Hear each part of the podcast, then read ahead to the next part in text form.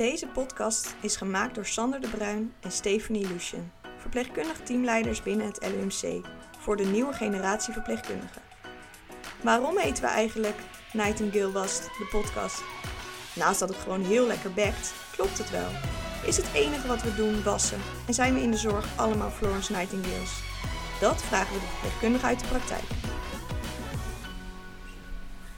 Yes, we kunnen weer starten. Ja, Nieuwe aflevering van onze podcast. Wilma, die is al eens eerder geweest. Best beluisterde aflevering trouwens. Dus, Ja. dus dat. Dus we dachten, nou, nodigen we gewoon nog een keer uit. Eh, en we hebben Hans Evers, eh, hoofd van de geestelijke verzorging. Eh, en we hebben deze eh, podcastaflevering wel echt als palliatief thema gebruiken. Wat is palliatieve zorg? Wat zijn de mogelijkheden? Wat kan de, dienst geestelijke verzorging eh, aanbieden? Wat is er eigenlijk allemaal te bieden? Wat houdt eigenlijk palliatieve zorg in? Eh, nou, er is genoeg over te vertellen, denk ik. dus deze aflevering wordt waarschijnlijk ietsje langer dan dat we gewend zijn. Oké. Meestal doen we rondom een half uur. Ja, Maar we vinden dit ook wel weer een belangrijk thema. oké. Eh, dus we willen het ook weer niet te kort afkappen, zeg maar. Eh, dus praat gewoon lekker ronduit. ja. Het is niet zozeer een interview, gewoon een leuk gesprek. Mhm. Eh, wat houdt het in? En dan kan jij natuurlijk als Wilma als verpleegkundige heel veel over vertellen. Heel veel levenservaring, Ja. levenswijsheid als verpleegkundige. Nou ja, wat palliatieve zorg inhoudt is zeg maar eenvoudig gezegd, wanneer iemand niet meer beter kan worden, wanneer iemand niet meer kan genezen, dan wordt de zorg, dan wordt de behandeling palliatief. Eh, ja, naar mijn idee is het begrip palliatieve zorg heel breed. Waar we hiermee te maken hebben op onze afdeling is natuurlijk ook mensen die nog volop behandeld worden. Ja. Maar dan in een palliatief traject Ja. werk je bijvoorbeeld tot de elfde etage, daar liggen heel veel patiënten die ja, dan weer eigenlijk preterminaal zijn. Maar dat is natuurlijk ook de palliatieve patiënt. Dus waarmee ik maar wil zeggen dat de zorg, de palliatieve zorg wel heel breed begrip is. Klopt. Dus, eh, Er is ook vaak onduidelijkheid vandaar ik over. denk van, het zou misschien ook handig zijn of nuttig zijn als er ook eh, een gesprek zou zijn met de verpleegkundige een keer van boven. Ja. Die echt zeg maar meer met het, ja, de ziekere patiënt te maken heeft. Ja. Maar dan kaderen we het een klein beetje af naar eh, deze afdeling dan. Ja, nee, dan om dat even duidelijk eh, te Ja. maken dat er wel eh, dat het een heel breed begrip is. Dat. Ben je het ermee eens? Ja, natuurlijk, het is mijn definitie van palliatieve zorg of terminale zorg in een fase verder. Duidt aan dat het perspectief wat anders ligt. Ja. Eh, Die woorden vertellen iets over het perspectief waarbinnen je behandelt. En het perspectief bepaal, is een van de bepalende factoren voor wat je nog zinnig vindt. Wat je inzet en wat de patiënt nog dient. Waar je Ja. denkt van, dat is plezierig voor een patiënt, daar heeft hij comfort van. Dus die woorden die, die geven ons meer een soort richting, een soort gevoel van de proportionaliteit. Van, van wat is nog waardevol en wat is van belang. Ja. Maar het is niet het enige, hè, tijdsaspect. Het heeft ook te maken met wie jij bent. Wat je belangrijk vindt als je je hele leven lang echt alles hebt ingezet. Om het optimale uit je leven te halen. Dan doe je dat tot op de laatste dag. Ja. En terwijl ben je helemaal, misschien ben je helemaal uitgemergeld en lig je al 14 dagen in het hospice. Dan krijg je geen hapje meer binnen en dan geef je me toch nog een knipoog en zeg je, je snapt toch dat ik morgen nog wel even dit of dat wil. Hè? Ja.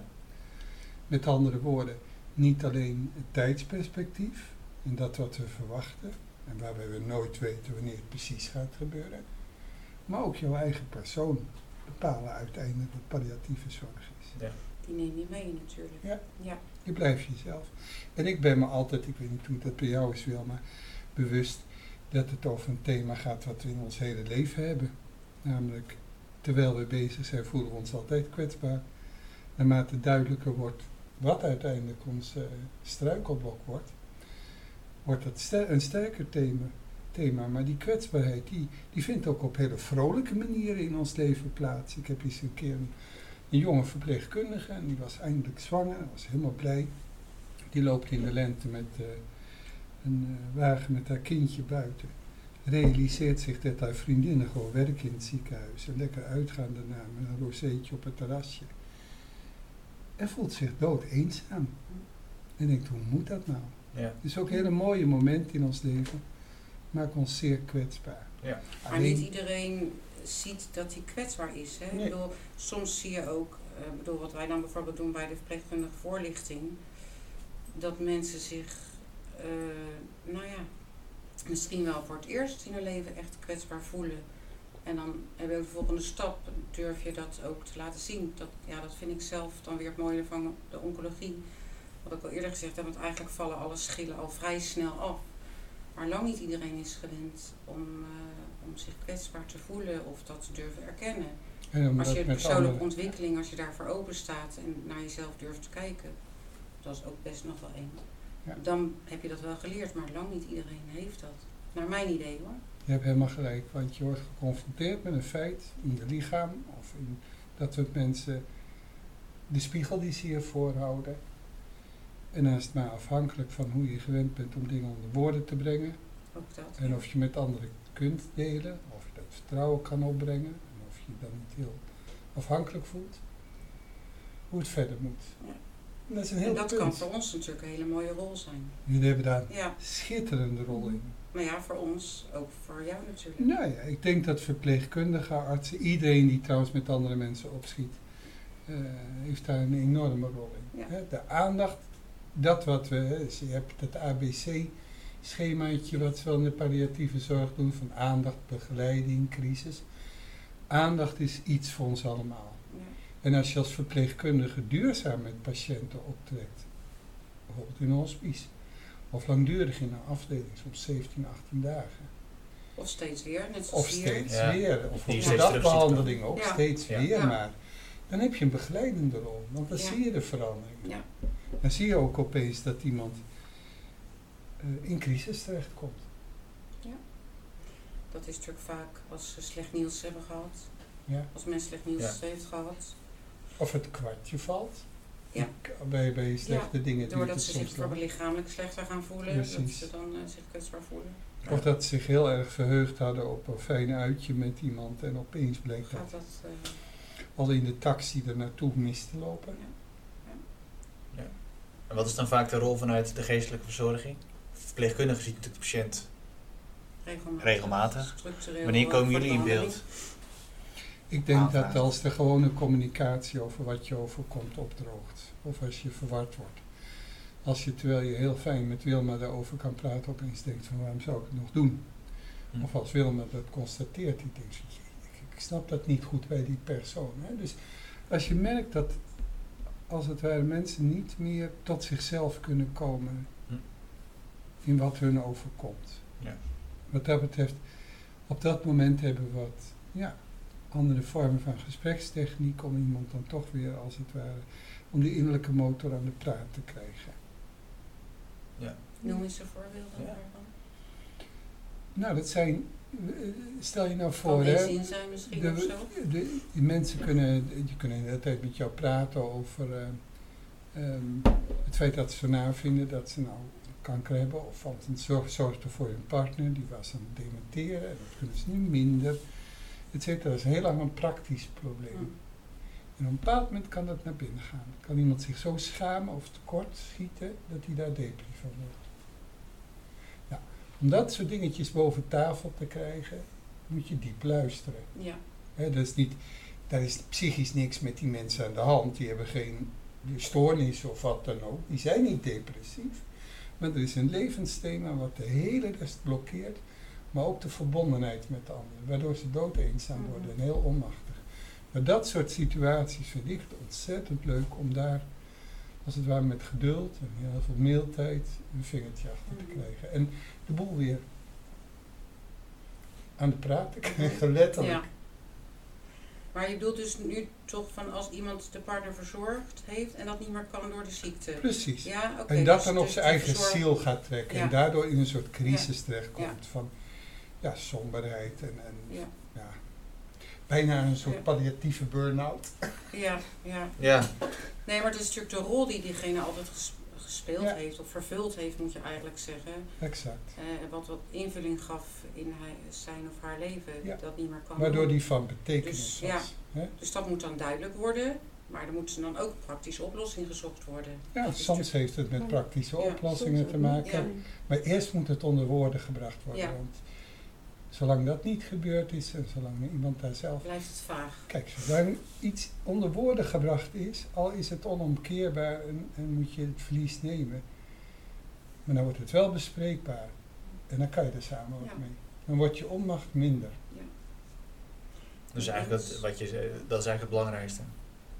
Ik denk, komen ik denk er, het eh, wel, kijk, geestelijke verzorgers die hebben twee linkerhanden, zullen we maar zeggen. Ehm, het belangrijkste spreekwoord zou kunnen zijn van eh, eh, je kan niet, leven niet altijd mooier maken en onmacht niet oplossen, maar je hoeft het niet alleen te doen. Maar om Ja. dat stukje te bereiken, dat je weer het gevoel hebt, we doen het samen, je bent niet alleen, Mhm. je wordt niet, je bent misschien wel ziek, je verliest je leven, maar je hoeft jezelf niet te verliezen. Nee. Dat is moeilijk. Ja, en dat is denk ik Ja, ook wel iets wat, wat moeilijk is voor de verpleegkundige.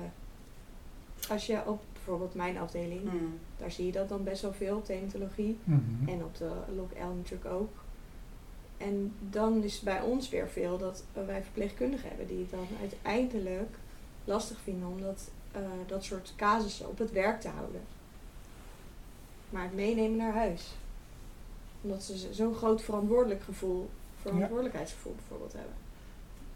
Maar wat bedoel je nu precies van eh, dat ze niet de oplossing weten, omdat ze het gesprek Ja, niet goed aan kunnen gaan? Nou, dat je stagneert of dat, dat, dat je het mee naar huis neemt omdat het zo zwaar is? ja, Want dat zijn twee verschillende dingen nee, natuurlijk. dat je het mee naar huis neemt Omdat je, of omdat het zwaar is, of omdat je toch net denkt van nou, ik zou dit eigenlijk, ik had gehoopt dat het net even anders kon in het palliatieve Hmm. beleid. Dat je Mhm. denkt van we, kun, we, zijn, we kunnen nu palliatief gaan behandelen, twee sporenbeleid. Mhm. Maar dan wordt het bijvoorbeeld nog niet gedaan. Ja, dat is de, de frustratie die je dan voelt eigenlijk. Ja. Ja. Doordat het, En eh, daar zijn eh, jullie als geestelijk verzorger kunnen ons als verpleegkundigen daar toch ook bij helpen. Ja, omdat eh, de, de blokkade, hè, want je weet heel veel, je hebt alle kennis, je hebt ook alle kunde. Je gaat niet in dit vak als je niet, met men, niet van mensen houdt en er niet mee kan praten. Klopt. En daar ben je al lang op uitgeselecteerd, want anders was je uit de opleiding gezet. Dat is de Sommige ideale, er dat is de doorheen. ideale situatie. Sommigen piepen er doorheen. Ik zie hier alleen maar helden. Ze bestaan er, Eh, ja. Eh, wel. Nee. Maar de blokkade zit vaak in je eigen persoon. Ja, dat je zoveel op je bordje krijgt en dat je eigen geschiedenis en je eigen ervaringen in de weg gaan zitten. En laten we zeggen, mijn eigen opleiding als geestelijk verzorger is de kerst op de taart een periode van drie maanden waar je intern op hele lastige afdelingen werkt en ook los van je normale omgeving. Om te proberen om je eigen persoon zo onder ogen te zien en te verruimen dat je echt ter beschikking kan staan. Ook als de tragiek groot is. En als je tien keer per dag moet. Dat je dus drie keer per dag bij een overlijden kan zijn. Of bij een kindje of neonatologie. Dus kennis, kunde en persoonlijkheid zijn... Verweven. Ja, je kan je diploma's hebben, maar dat zegt niks. En je, Nee. mag, je hebt je aanstelling in het ziekenhuis, dat zegt niks. Nee. Je kan eruit zien als een hele oude en wijze vrouw, maar dat zegt niks. Je moet zelf de innerlijke ruimte hebben om alles wat je ter beschikking hebt ook ter beschikking te stellen. Ja. En dat moet je dag in dag uit bijhouden. Wat vind jij daarvan, Wilma? Ja, ik knik. Je ziet me knikken, dat zelf zien ze dan op de podcast niet. Maar dat, ja, dat, dat snap ik helemaal wat je bedoelt. Ja. En ik zit ook weer te denken aan wat ik eerder in de podcast heb gezegd. Weet je, dat, dat er echt wel een verschil is. Of dat je toch wel, of dat je 18 bent of eh 64. Dat je dan toch wel eh levensitems hebt meegemaakt die je ook weer vormen. En die je ook weer naar jezelf doen kijken. En waardoor je ook uiteindelijk weer de dingen in een breder perspectief leert zien. En waardoor, je dan eigen, ja, ook je eigen kracht leert kennen en je zwaktes. Maar dat is wel anders dan dat je jong of oud bent, denk ik. En soms Dus- teleurstellend dat je telkens opnieuw moet doen. Dat je denkt, oh, dacht dat ik hier wel mee klaar was. Oh, ja, ja. En dan komt er een bepaalde casus. Ja, Dan zit je weer. Ja, oh nee, inderdaad. houdt er nou nooit op. ja. Ja, het is waar. En waarom raakt het je dan zo ineens? Ja, dat, dat, dat kan natuurlijk ook met verschillende dingen te maken hebben. Je blijft, je bent en blijft een mens natuurlijk. Ja. En je wil voor die patiënt altijd het beste, maar ja, dat is niet altijd het beste. Dus je moet ook je, je grenzen kennen en weten dat als het even niet gaat, dat je dan eh, Ja. dat met een ander bespreekt. En je collega's zijn zo waardevol. Ik heb dan in eh, het begin dat ik in het ziekenhuis ging werken, die training gehad van drie maanden intern met alles erop en aan. Die groep die is nu al twintig jaar lang mijn intervisiegroep. We zien Mm. elkaar vier keer per jaar, een heel dagdeel. En daarin spreekt Ja. iedereen met name over deze kern. Die keer. Vier keer per jaar, twintig jaar lang. En we hebben al zoveel andere dingen meegemaakt. Dat het in een relatie van iemand niet fijn liep. Of dat er met de kinderen moeilijkheden waren. Of Dat zijn de dat het werk, al de levensitems. Ja. En toch met elkaar blijven werken aan jezelf flexibel houden, ruim houden. Mhm. Delen, niet alleen worden, niet somber worden. Niet cynisch worden. Nieuwsgierig blijven. Ja, ja, ik zit even te denken, want ik ben laatst ook nog, nog in retraite geweest een weekend, wat ook heel waardevol is voor mij persoonlijk.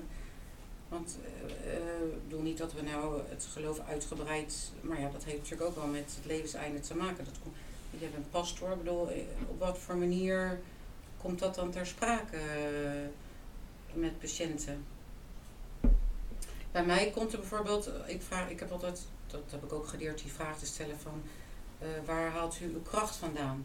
En dan komt dat soms naar voren of iets anders. Ik bedoel, Ja. fietsen of Ja. eh, de relatie met, eh, met mijn partner. Of dat zijn hele verschillende dingen. Of vandaag, eh, vorige week had ik iemand bespreken die zei, ja, ik, ik haal mijn kracht uit mini-stekken. Want dan kan ik alles vergeten. En dan kan ik dus met dat handenarbeid, kan ik dat, weet je wel. Dus het is heel divers. Maar Je hebt helemaal gelijk. hè. En sommige mensen, de oude dame, die begon onmiddellijk over die twintig eh, katten die ze in haar buurt elke dag te Ja, eten gaf. ja, sociale wereld was klein, maar de betekenis, ook. dat was in dat toewijding aan die katten. En dan kan je dat groot en klein denken, maar ik denk dat dat heel groot en waardevol. Eh, je kan wel in abstracto zeggen dat je van mensen houdt of de schepping waardeert of wat dan ook. Maar als er niet concreet iets is waar je voor zorgt, Mhm. wat betekent dat dan? Dus dat heeft, als wij, jij als verpleegkundige, ik als geestelijk verzorger of pastor luisteren naar wat mensen kracht geeft, dan vind ik dat fijn als we over hele concrete dingen Hm. spreken, waardoor zij beseffen wie ze zijn, maar ze staan er niet verder. Hm. Ja. Heel concreet, Ja. praktisch geloof. Ja. Geloof kan je over praten als een soort theorie, maar voor mij is het een dynamisch proces in de persoon zelf. Van betekenisverdeling. Je hoeft niet in woorden. Je ziet dat gewoon hoe mensen dat doen. In hun bewogenheid. Ja. Ook belangrijk. Toch? En ook dat kan natuurlijk ontzettend in beweging zijn. Hè? Je kan, eh, nou, dat, daar maken jullie toch ook mee. Hè? De, palliatieve processen raken natuurlijk ook de mensen die aan het bed staan. En als ik dan op de eh NICU ben en je ziet een echtpaar wat, wat nou, heel lang IVF of wat dan ook, een kindje heeft gekregen en dat kindje gaat niet zo goed. En ze komen aan de grenzen. Dan zie je opeens een vader heel anders denken over zijn werk, waar hij altijd alles voor gaf. En vervolgens kijkt hij aan en zegt, hierna gaat het anders. Ja, Ja. Dat, dat, maak, dat maak je heel vaak mee. Dat hoor je mensen echt heel vaak zeggen. Dat, dus Ja. dat je gewoon vanuit een heel ander perspectief gaat leven. En dat je, de, dat je sommige dingen heel waardevol Ja. gaat vinden en andere veel minder. Ja, dat zijn eigenlijk hele mooie ontdekkingen. Maar die kan de mens alleen zelf doen. En daar hebben ze, heb je, je hebt geen boekje bij je geboorte gelegen met foutcodes. En eh, Ja. je zult wel, hè, dat zou fijn zijn, maar het is niet zo. Ja. Ik denk voor jou en voor mij de aandacht die we geven, de begeleiding, de, het staan met anderen in de crisis, is gewoon Dat om iemand in staat te stellen het te ontdekken. Ja. Ja. Je hebt toch Ja. ook zo'n zo'n professor in Nederland eh, die ook die cursussen en die workshops eh, aandacht geeft. Carlo Leget. En je hebt de presentietheorie. Presentietheorie, Ja, ja, die ja. Van? Nee, Eh, is niks.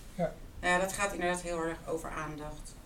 Aandacht De als tijd ruimte. nemen en eh, in de ogen kijken en eh, kijken of je begrijpt wat je bedoelt. Heel goed luisteren. Ja. En dat, wat mijn ervaring is, is dat, dat eigenlijk vaak, want we zijn natuurlijk altijd gejaagd, haastig, het is druk. Maar toch, dat als je even daar de tijd voor neemt, dan hoeft dat, en dat, dat zegt hij trouwens ook volgens mij, dan hoeft dat nog ineens zo heel veel tijd te kosten. Nee. Dus als je gewoon eh, even heel zuiver die aandacht geeft, Ja. dat dat al heel even. snel eh, zeg maar ja, oplost of Ja. eh, goed doet. Ja. Of Ja. eh, Maar dat het merk lost natuurlijk niks op, maar het, het, het zegt zoveel. lost niks op.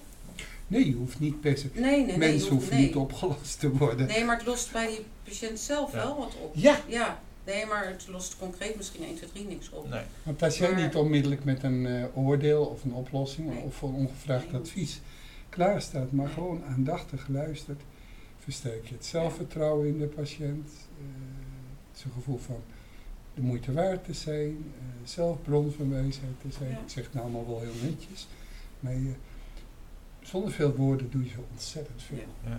Ja, kijk, en die oplossingsgerichtheid, dat is iets wat ik zelf ook echt moet leren om Mm. dat eh, af te leren. Ik bedoel, wij zijn natuurlijk als verpleegkundigen best wel dat we gelijk eh, iets willen doen. Wat, Ja. wat kunnen we doen?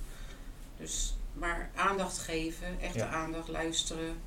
En dan misschien later nog een concretere oplossing bedenken. Ja. Of zeggen, ik moet er nog even over nadenken, of een collega over hebben. Ja. Dat, dat is natuurlijk ook wel iets doen. Maar dan moet je wel, dat moet je, tenminste dat heb ik echt moeten leren. Maar ik denk dat heel vaak ook een patiënt niet eens zozeer een oplossing wil horen, maar alleen het gevoel dat iemand Ja. naar hem luistert. Ja. Uit de, Maar zijn kijk, familie. palliatieve zorg, want we hebben nu het eigenlijk de hele tijd over de mentale situatie, Ja. maar palliatieve zorg is natuurlijk ook gewoon echt co- concrete oplossingen bieden om het lijden te verlichten. Ja. Ik bedoel, Dat is natuurlijk ook, eh, Ja. hè, als het niet lukt met eh, de misselijkheid niet onder controle te krijgen, Ja. dan- dan staat dat gewoon helemaal vooraan. Of als de pijn niet onder controle komt. Of Ja. het, eh, Ja. dat, eh, Daar ge- gebruiken wij hier op de afdeling daar eh, de lastmeter. Is dat daar een voorbeeld van? Nou, bij de lastmeter wordt natuurlijk wel alles eh, besproken. Alle vijf domeinen van het Ja. mens zijn komen ter sprake. Ja. Dus, eh, Welke vijf zijn dat? Oh jee. nee, nee, nee, de lichamelijke dus klachten, de mentale klachten, spiritueel, eh, de sociale rol die je Ja. vervult en fysieke, fysieke situatie. Ja. Dat zeg ik zo uit mijn hoofd hoor. Tien Want, eh, punten wel. Ah, Hè? tien, Tien punten. punten. Zo nog nooit Volgende gehad. vraag. En heb, Nee, heb en ik-. Oh, Ik, ik zit ook even te denken van, eh, eh, hè, dus die lichamelijke zaken, die zijn ook gewoon natuurlijk echt belangrijk. Dat je Ja. die, en wat ik dan, kijk, ik lig natuurlijk voor op het spreekuur. Ja. En dan is er de fase geweest dat men gehoord heeft eh, wat de aandoening is. Dan krijg je dus het behandelplan voorgeschoteld. Ze hebben het even een beetje laten indalen thuis en eh, alles gelezen wat de behandeling inhoudt. Dan komen ze bij ons. En dan is het toch ook vaak een palliatief traject. En dat vind ik dan zelf altijd wel een spannend moment van...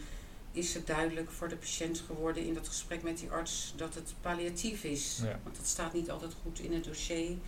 En je wordt ook niet altijd gelijk goed wijs van de patiënt hoe ze dat dan zien. Nee. Dus dat, eh, dat is altijd, dat is soms dan eventjes zoeken naar wat voor moment moet je dat dan vragen, zeg maar. Ja. Dus ja, dat is een beetje aanvoelen en luisteren. En dan vraag ik dan meestal van, eh, wat heeft de arts gezegd, wat u mag verwachten van deze behandeling. Ja. Die zin doet het dan altijd wel redelijk goed. eh. dus, eh, en dan merk ik ook dat mensen, nou ja, dat, dat, dat dat ook wel lastig is. Weet je, aan de ene kant ga je een behandeltraject in en ben je hoopvol. Aan de andere kant weet je ook dat het levensverlengend is en niet, niet behandelend. Dus, en dan voel ik het ook altijd als mijn taak om dan eventueel palliatief team ter sprake te brengen. Maar Ja. er is niet altijd ruimte en gelegenheid voor. Nee. Dus eh, nou ja, dat draag je dan over aan. eh, als ze heel hoopvol zijn en daarvoor gaan voor die behandeling, dan is dat palliatieve stukje eh, raakt een beetje achterwege, zeg maar. En als je ziet dat ze ook een beetje op het twee sporen blijft zitten, dan kan je het eventueel aantippen. Ja. Maar waarvoor, er ik, waarvoor ik erop kom, omdat je ook vaak ziet dat mensen ook wel angstig zijn. Ja. Dat ze lichamelijke klachten krijgen die niet onder controle te brengen zijn. En dan noem ik dan altijd ook het palliatief team. Dat, zij, eh, dat dat verpleegkundigen zijn die daarin gespecialiseerd Ja. zijn. En dat zij eh, alle nieuwste ontwikkelingen bijhouden. En dat zij ook proberen vooruit te lopen, een plan maken in het dossier. Van als dit en dit gebeurt, dan ligt het plan al klaar, ook voor de huisarts. Dus zo probeer je dat dan weer. En dan denk ik altijd ja, als ik die patiënt zou zijn, dan zou ik dat heel fijn vinden om te horen. Want dan denk ik, oké, ik ga dit traject in, dat mag er zijn, ik ga toch behandeld worden. Maar als het niet goed gaat, dan ligt daar ook nog wat. eh. Ja. Dus dat, eh, ja, dat wou ik nog even zeggen, omdat ik dat altijd Mhm. best wel een spannend moment vind om dat dan ter sprake te brengen. Ja. En er zijn natuurlijk heel veel palliatieve patiënten tegenwoordig. Ja, dat Elke zijn we, afdeling dat zijn we uiteindelijk allemaal. Ja. Ja, als je het zo bekijkt wel. Ja. Ja, maar ik denk dat je Ja, natuurlijk- omdat de dood er altijd kan zijn, bedoel je dat eigenlijk? Nou, kijk, de het belangrijkste, dat eh, zal, dat zal hoe wel komen over. hè. Dat zeggen ze wel eens, dat is eenvoudig, kan iedereen. Ehm, maar dat er geleefd kan worden. En ik denk dat je dat met elkaar borgt. Verpleegkundig, eh, vanuit geestelijke verzorging, palliatief team, eh, psychologen. Al de mensen die hard werken, eh, Ja. proberen het leven de moeite waard te houden. Tot op het laatst. En dat willen mensen graag. mhm. Tot op het laatst. Natuurlijk zullen er beperkingen komen, maar die komen ook met de leeftijd. En, eh, Soms is het op het laatst niet meer duidelijk wat er, vooral multimorbiditeit, wat aan wat ligt. En wat dan Nee. weer een wonderlijk gevolg is van het samengaan van alles. En de medicijnen Ja, en de ja. sociale. Kortom. Ja. Maar je doet met elkaar ontzettend je best om het leven mooi te houden. Tot Mhm. op het laatst. Tot de laatste snik. mhm. Ja. Dat kan Ja. heel mooi toch? Mhm. Dat je dat met elkaar doet. Ja. Ja. En de patiënt is daarbij je kompas. Wat passende zorg is, wat echt hoort en wat moet, noodzakelijk en nuttig. Ja. Dat horen we maar vanuit één bron. Ja. Dus daarom is dat, dat latend luisteren, Mhm. dingen oplossen of niet al denken, oh typisch gevalletje van dit doe je dat. Mhm. Gewoon echt open luisteren, wat zeg je ervan, wat gaat er door jou heen, wat houdt jou nou bezig. Ja. Dat is zo belangrijk om voor onszelf een soort koers te kunnen bepalen. Maar dat is juist wat zo lastig kan zijn. Ja? Omdat je soms situaties hebt waarbij je dus je eigen normen en waarden bijvoorbeeld Ja. eh, een klein beetje mm, ja, Die doen naar achter. altijd mee. eh, Schuurt. Ja. En die, ja, dan Die schuurt doen het. ze wel altijd mee. Ja. Ja, die moet je leren. Dat, dat noem ik Ja. dan ruim worden. Ja. Want in, in zo'n training dan bijvoorbeeld, eh, het zijn vaak je eigen normen en waarden Ja. die op ethisch vlakje in de weg Ja. kunnen Ja. zitten. Om de ander gewoon te laten zijn wie die altijd al was. En zoals hij bedoeld is. Al is hij compleet anders dan ik. Ja. Die diversiteit accepteren. Niet alleen als er een kleurtje aan zit. Maar ook als er een verschil is tussen mij als Amsterdammer en jou als Limburgse. Of nou, gewoon. ja, dat maakt het ook heel mooi, vind ik wel. Ja. Ja. ja, en wat ik net ook wilde vragen, want het ging natuurlijk in die lasmeter ook over spiritualiteit. En dat is iets wat je eh, voor, voor mijn gevoel soms, ja nu hoor je het weer wat meer, maar er zijn natuurlijk steeds minder mensen gelovig. Heb, zie je daar dan nu verschil in ten opzichte dan van hoe dat vroeger was? Want vroeger was veel meer vanuit het geloof. Ja. Dat je of juist heel erg bang was om dood te gaan, Ja, omdat je een dat keer ook, eh. Ja. iets Dat hebt gedaan dat- ja. waarvoor je gestraft gaat worden. Ja, ja, dat zag je wel. Of je ziet er juist heel veel rust in. Rondom 2020 zijn grote onderzoeken door de regering uitgevoerd om eens te kijken van hoe zit dat nou? Want we zien dat de dingen veranderen, maar wat verandert er? Het gekke was dat spiritualiteit, dus die innerlijke dynamiek waardoor jij weet wie je bent en wat je moet en wat belangrijk is, dat is niet minder geworden. Alleen, wat doen we niet meer? We doen het niet meer in clubverband. Nee. En we doen het niet binnen vaststaande theorieën en volgens vaststaande rituelen. We doen het vanuit onze eigen beleving en ervaring. Kort kan- korter kan ik het niet zeggen. En dat betekent dus, Wilma kan niet zeggen, meneer, mevrouw, eh, waar kerkt u? Oh, Lodewijk, oh, u bent katholiek. eh, oh, dan wilt u zeker wel bediend worden en eh, zondag de communie ontvangen. Ja. Hè? Dat was toen zo. Ja. Of, oh, zal de dominee komen Ja. en een, en een woordje zeggen. Zo. Nee, zo is het niet meer. Dus clubverband zegt gewoon niks meer over wat iemand... Je moet vanuit de eigen, weer die vraag stellen. Wat houdt jou bezig? Waar ga je voor? Wat is jouw kracht? Waar put je? Ja, maar eigen mensen zijn wel zoekende. zoekende. Dat vind ik wel. Ja. Dat, dat merk ik ook zeg maar buiten het ziekenhuis. En daarmee is dat, het voor ons dat wel moeilijker geworden. Naar, ja, naar Vroeger wist je het wel Ja, als gewoon katholiek recht toe, recht aan. Ja. Dat was het. Daar hield je je aan vast. En nu is er meer diversiteit, maar ook, eh, ik denk ook als je niet bij een club hoort of bij een kerk hoort, hoort of een gemeenschap, dat dat, Ja. dat, dat ook wel lastiger is voor mensen. Eigenlijk moet wat, veel meer maatwerk leveren. ja. Ja. Nee, wat Hans net eigenlijk zei over de patiënt is je kompas. Eh, maar in, vroeger was de kerk of eh, Ja. whatever, was je kompas. Ja. Die zorgde van dit is de Ja. richting waar je op moet. Dan kon je dat een beetje daaraan over. En dat zorgde voor je kaders. Ja, ja, Waar je in kon leven. En nu Ja. is dat natuurlijk ja. veel vrij. Ja, het is eigenlijk een soort van weg. Ja. eh, dat. Maar dat is niet alleen ongemakkelijk, dat is ook heerlijk. Want vroeger waren er ook, eh, nou, dat zeggen eh, mensen, vrouwen, mannen, die eh, in het eigen leven, gewoon als ze thuis waren, volgens hun eigen kompas leefden. Maar zodra ze in, in het openbaar waren, en ze werden, omdat ze Ja. katholiek waren, in het katholieke ziekenhuis opgenomen, Ja, ja. met de katholieke dokter en de Ja. katholieke pastoor in de buurt, die moesten Ja. opeens binnen een lijntje gaan lopen, Ja, wat ze in het privéleven, Ja, dat is ook waar. precies, ja, want sinds de jaren 20, 30 van de vorige eeuw leven mensen al heel anders. ja. Nee, maar dat is natuurlijk wel grappig. Dat je natuurlijk eigenlijk eh leefde hier volgens je eigen kompas. En dan moest je eigenlijk weer terug naar je kompas waar je Ja. bij hoorde. Dan word je soort van. eigenlijk heen en weer geslingerd. Ja, Ja. en als je dat Ja. dan hebt op, in je laatste fase, Ja. dat is misschien wel helemaal... eh, Exact. niet fijn, dan ben je totaal niet bij jezelf natuurlijk. Soms denk je wel eens van buitenaf van, hé, hey, ja, ja, maar je hebt ook niks meer. Vroeger wisten wat er moest, eh, Mhm. wat, wat van Joodse mensen verwacht werd, of van moslims, of van dit en dat. Eh, tegenwoordig is dat niet zo, maar dat is niet alleen een nadeel, want toen was het vaak Ja, het is wel leuk zoals je dat zegt. Dat is wel waar, ja. nu Ja. gaat het er werkelijk om. Maar hebben wij nog de tijd en de rust en de, de flexibiliteit om rustig te vragen van, hoe zit dat? Ja. Ik hoor ook wel eens op afdelingen dat het sterven zo vaak gebeurt, dat je er een beetje moe van Ja, wordt. want dat is toch ook heel logisch Ja. en menselijk eigenlijk. Nee, even over die rituelen, dat, dat zat, daar zit ik aan te denken van, kijk, een ritueel kan ook heel mooi zijn. Ik bedoel, dat bedienen wat we vroeger deden, eh, ja, dat, dat gaf ook wel rust of zo op een bepaalde manier. Ik zeker. Ja. Maar ja, dan is Dus het dat- net, dat- een, weet ik, een maaltijd kan ook heel fijn zijn. Het kan ontzettend eh, samenbrengen en leuk zijn. Maar als je het doet met mensen waarvan je denkt, ja, ik weet niet waar kan je hebben en wat moet je voor me en zo, dan smaakt het allemaal toch, zit je toch wat te schuiven op je Mm. stoel. Ja. Of de dingen echt werken, dat hangt af van hoe je op dat moment samen bent, wie erbij is, of een geestelijk verzorger die bedient op dat moment op de band kan maken, of, ja. of het echt iets Het van is niet alleen het verbinding ritueel is. zelf. Nee, het ritueel doet het niet uit zichzelf nee, nee, zonder nee, nee, eh, nee, nee. communicatie. Nee.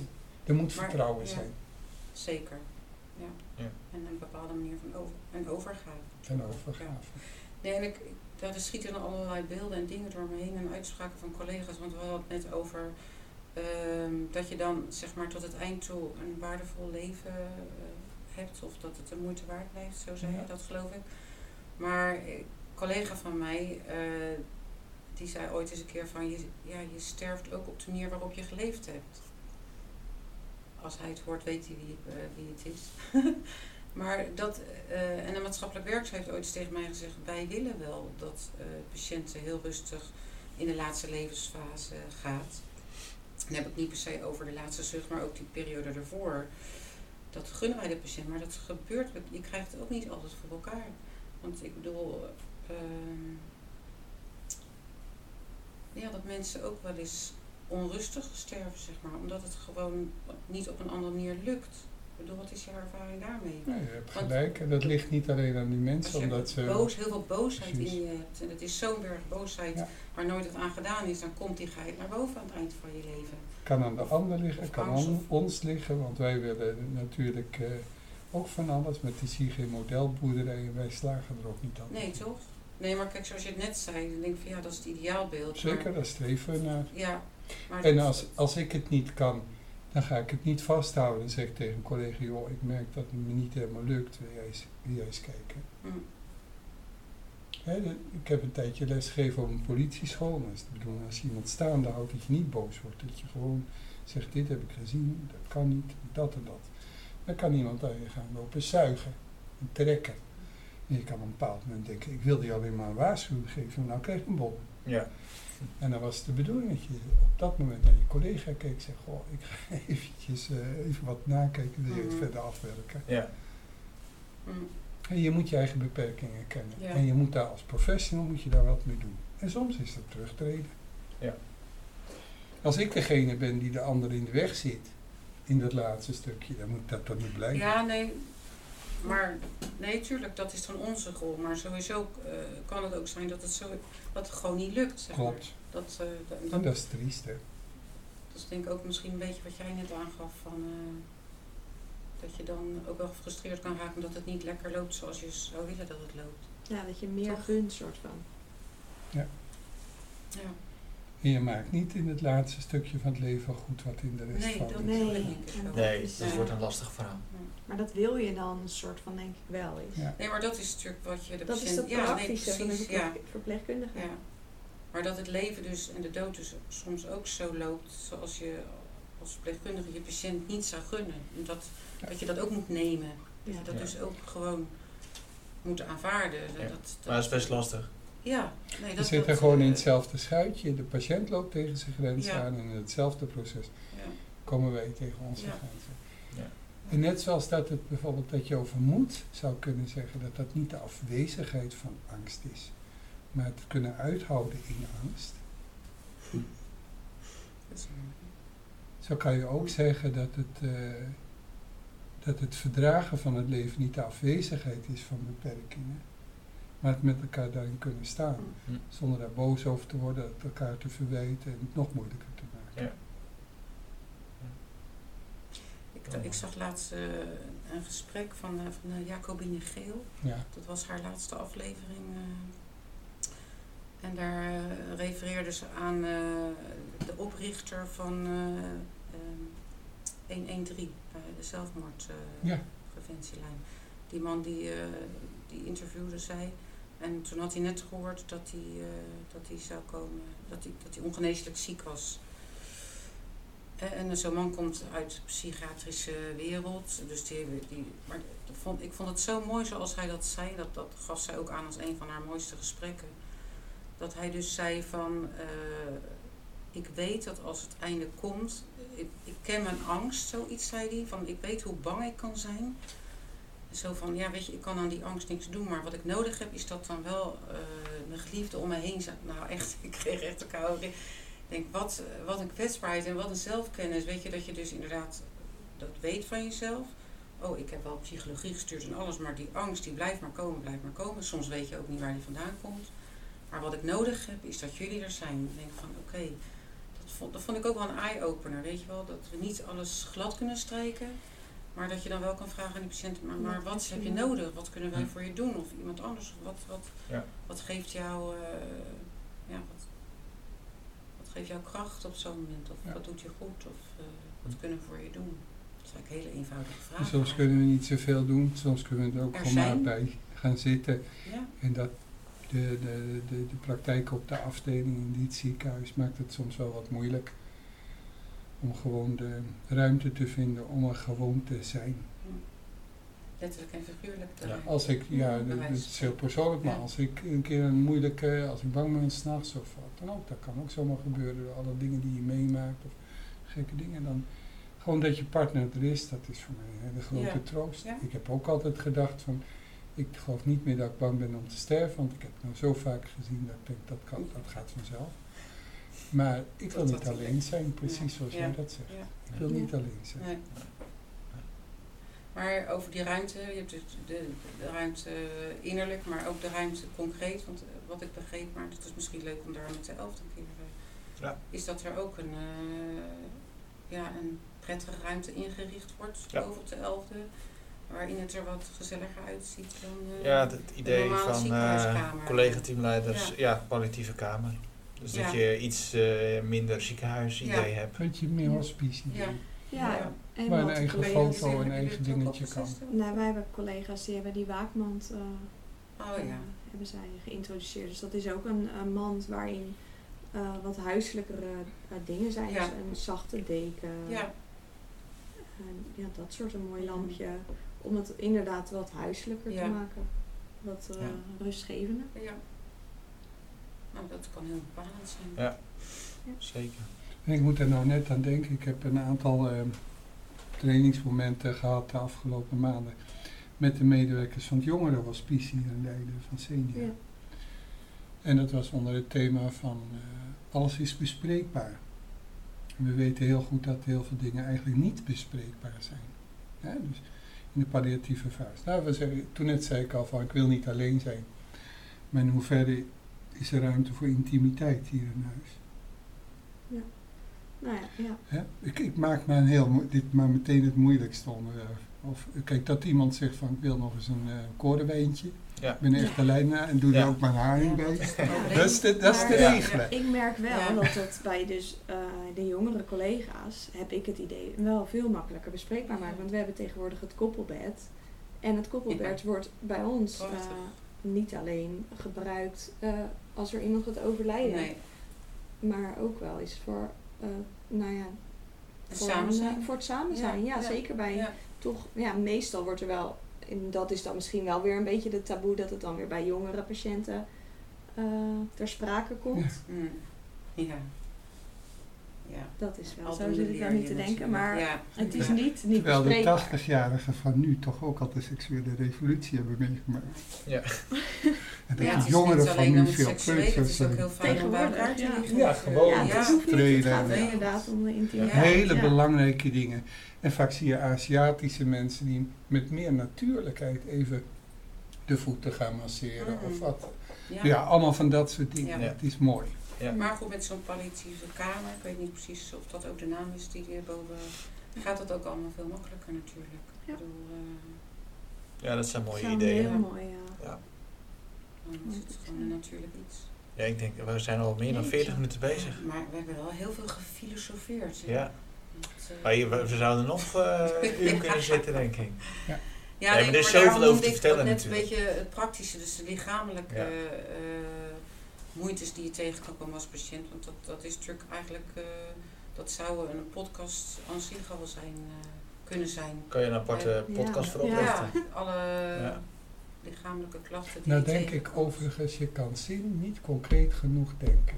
Hè, zoals je een klein kind in groot verdriet door het even op de schoot te nemen, een knuffel te geven, Mhm. heel diep kan troosten en rustig maken. Mhm. Zoals dat mijn mensen van mijn leeftijd, ik ben er net 65, hetzelfde. Zin is concreet, spiritualiteit is heel concreet. Mhm.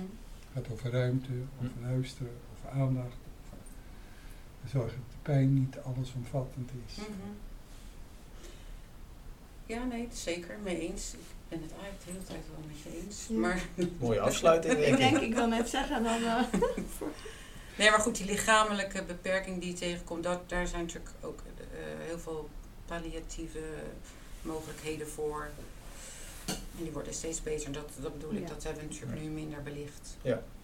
En ondanks de droevigheid van het onderwerp, ik ken bijna geen onderwerp waarin zorgverleners zo enthousiast worden, zo Mhm. creatief worden, dan rondom dit stukje. Ja. Maar het niet meer gaat om het protocolletje uitvoeren en dan is het goed, maar waar je echt gevraagd wordt jezelf in te Zoeken naar, Precies. ja. ja, dus dat gaan we allemaal vervolgen in eh, de palliatieve cursus, toch? Zeker Met, weten. eh, ja. In januari, in januari. februari. Dus daar eh, hebben we, heb ik heel veel zin in. We zijn nu al lekker opgestart op eh, de dagbehandeling. Meteen met groot enthousiasme. En we hebben er ontzettende zin in. Gaat helemaal goed komen. Nou, dan willen we jullie heel erg bedanken. Wel ook een keer leuk met z'n vieren. Ja. Dat is anders. Eh, dus heel erg bedankt. Ja, ja ik voel eh, als een heel fijn gesprek. Bedankt voor het luisteren van deze aflevering. Hopelijk hebben jullie een andere kant kunnen laten belichten van het prachtige vak verpleegkundige. De illustratie is gemaakt door Maurits van Rossum. De podcast is geëdit door Marlijn Fransen. We zien jullie graag tot de volgende aflevering.